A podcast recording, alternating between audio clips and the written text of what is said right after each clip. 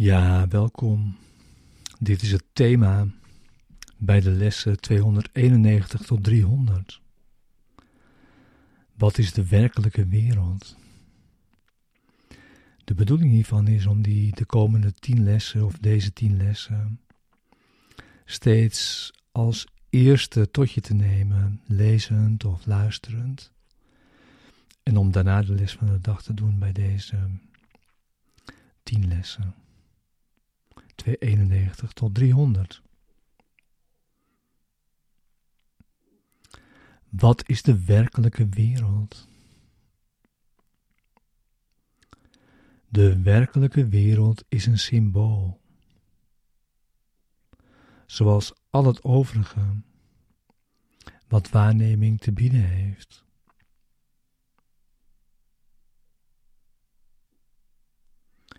Toch staat ze voor iets wat tegengesteld is aan wat jij hebt gemaakt. Jouw wereld wordt gezien door ogen vol angst en levert je denkgeest de bewijzen van verschrikking. De werkelijke wereld kan alleen waargenomen worden met ogen die door vergeving zijn gezegend, zodat ze een wereld zien waarin verschrikking onmogelijk is en bewijzen voor angst niet kunnen worden gevonden.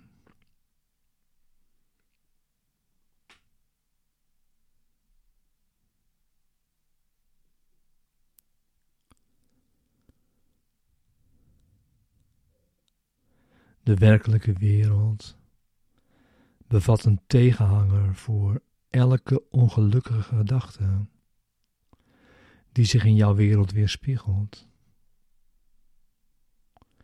Een feilloze correctie voor de beelden van angst en de geluiden van strijd, waar jouw wereld vol van is.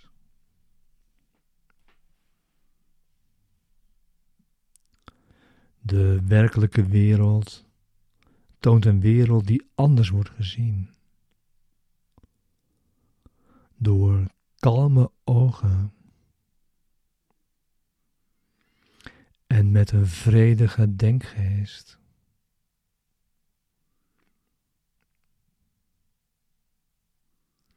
Daar heerst niets dan rust.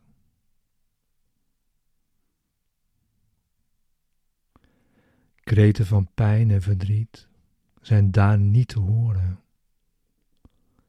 want daar is niets dan vergeving.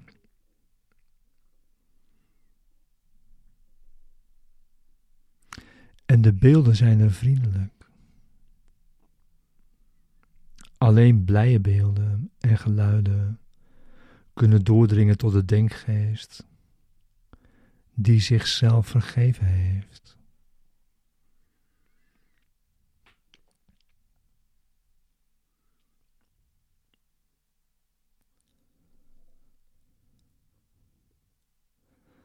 Wat voor behoefte heeft zo'n denkgeest aan doodsgedachten, aanval- en moordgedachten?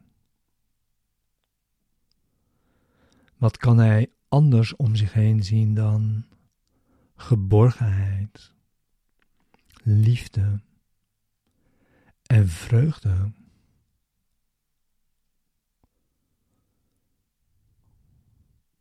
Wat is er dat hij zou verkiezen te verwerpen? En wat is er waartegen hij oordelen wil? De wereld die hij ziet komt voort uit een denkgeest, die met zichzelf in vrede is.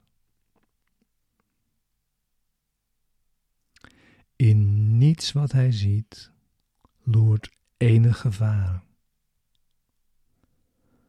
want hij is zachtaardig. En zachtaardigheid is het enige wat hij ziet.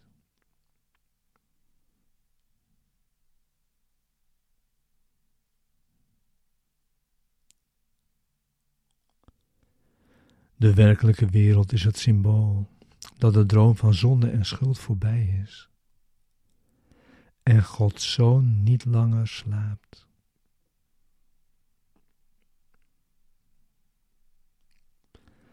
Zijn wakkere ogen zien de ontwijfelbare weerspiegeling van de liefde van zijn vader. De stellige belofte dat hij is verlost.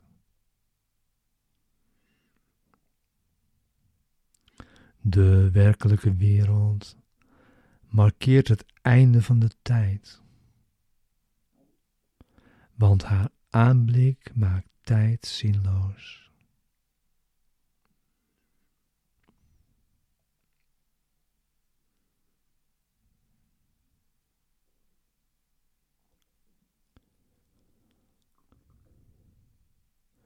De Heilige Geest heeft de tijd niet nodig als die zijn doel heeft gediend. Wacht hij slechts dat ene ogenblik nog tot God zijn laatste stap zet. Dan is de tijd verdwenen en heeft hij in zijn heengaan waarneming met zich meegenomen.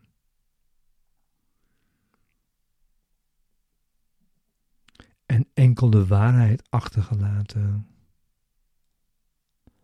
om zichzelf te zijn.